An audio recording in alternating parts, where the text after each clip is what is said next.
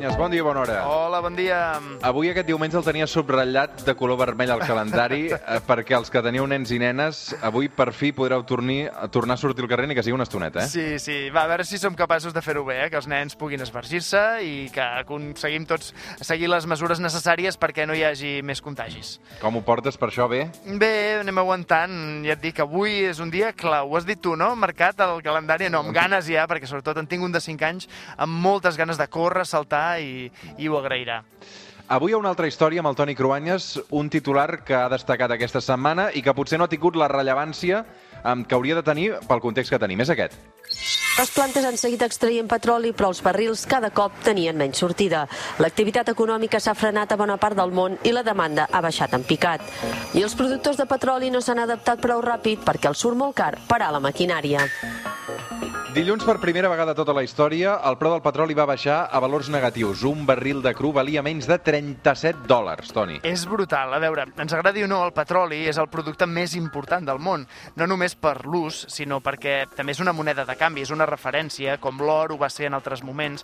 Els preus del barril de Brent o del West Texas Intermediate, per exemple, són un termòmetre del que passa a tota l'economia global. Així que tinguem-ho clar, que s'hagi desplomat el preu del petroli és el primer indicador real d'efectes en el mercat de com de greu és aquesta crisi econòmica que estem tot just començant a veure.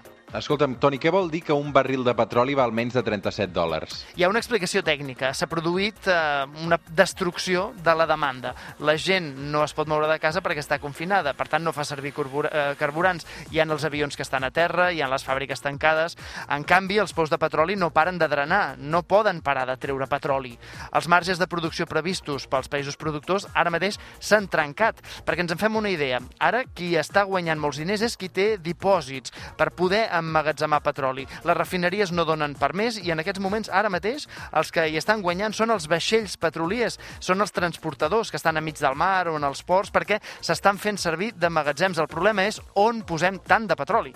Per tant, els productors paguen perquè se'ls emportin el petroli, no saben, no saben què fer-ne i, si no, um, haurien de sassejar els pous i tancar el negoci, no? Ah, exacte. Els productors no han pogut fer una frenada controlada dels preus, entre altres coses perquè Aràbia Saudita i Rússia ja estaven en una guerra de baixada de preus abans de l'expansió de la Covid-19. Tot plegat ha fet evident que vivim en una societat molt dependent d'aquest petroli. Per això avui amb el Toni Cruanyes repassarem per què, per què depenem tant d'aquest petroli. De fet, tot va començar amb la revolució industrial, Toni. Sí, perquè el petroli, de la seva existència, de fet ja en sabem des de fa 4.000 anys. Heròdot ja parlava de l'asfalt que s'havia utilitzat en la construcció dels murs i les torres de Babilònia, imagina't.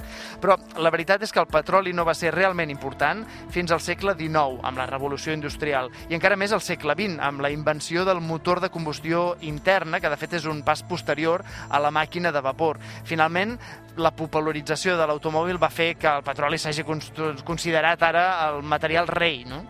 Uh -huh.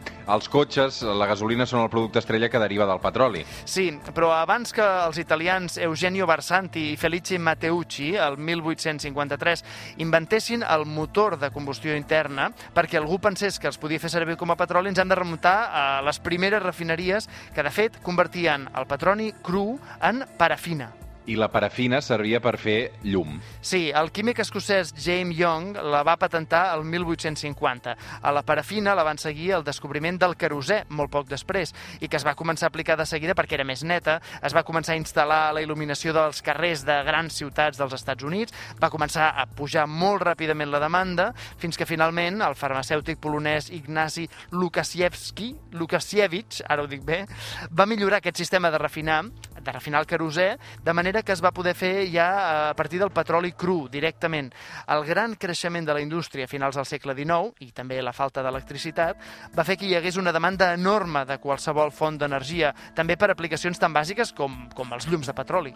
Això explica que de cop es multipliquessin les exportacions de petroli als llocs que més se necessitava, com per exemple els Estats Units. Sí, podríem dir que gairebé hi ha un paral·lelisme entre l'inici de la revolució industrial, que va basar-se en bona part en on la matèria primera era el carbó. El Regne Unit llavors tenia grans quantitats de carbó que es van explotar en mines. La segona part de la revolució industrial, que es va basar ja amb el petroli, en part van acompanyada de la troballa de grans pous a diferents estats dels Estats Units, que es va desenvolupar especialment durant el segle XX i el lloc més conegut va ser a Texas, concretament Dallas.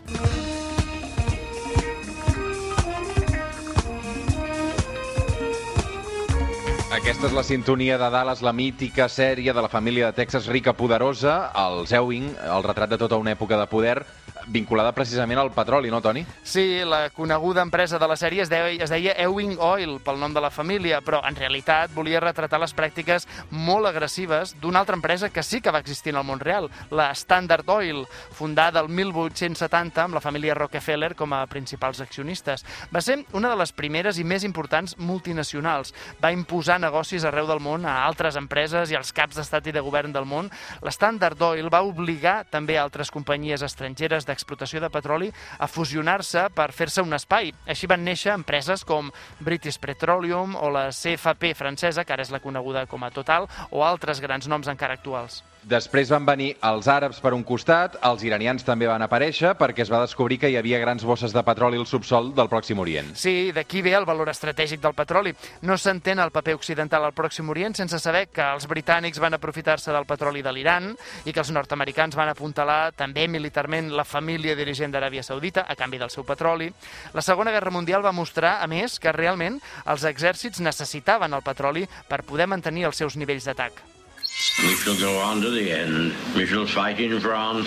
We shall fight on the seas and oceans. We shall fight with growing confidence and growing strength in the air. I aquest que sentim és Winston Churchill, que de fet ja va declarar el petroli com a bé de guerra i els pous de petroli. De fet, van ser considerats objectiu estratègic tant als aliats com dels nazis, no? Just després de la Segona Guerra Mundial, als anys 50, definitivament el petroli va desplaçar ja el carbó com a principal combustible mundial i es va convertir en un element tan important de l'economia internacional que els productors es van posar d'acord per estabilitzar-ne els preus, perquè qualsevol davallada o qualsevol augment accelerat dels preus podia provocar la desestabilització mundial. I aquí entrarem en la fundació de l'Organització de Països Productors i Exportadors de Petroli, el famós OPEP. Sí, de fet, ja hi va haver les crisis del petroli del 1973 i el 79, que a més de demostrar la importància del petroli, també posaven al descobert que la humanitat, tots plegats, havíem caigut de ple en la trampa de fiar-ho tot a un producte que un dia s'acabarà. Avui el petroli és el 90% del combustible dels cotxes. També és el 40% del consum total d'energia als Estats Units, per exemple. També és el producte més transportat arreu del món. Realment, podem dir que tots plegats hem caigut en aquesta trampa del petroli i que costarà sortir-nos-en. Avui molt interessant, una altra història amb el Toni Cruanyes. Un altre dia, si et sembla, eh, parlarem, Toni, de les energies alternatives, que també tenen molta història i esperem eh, que molt de futur.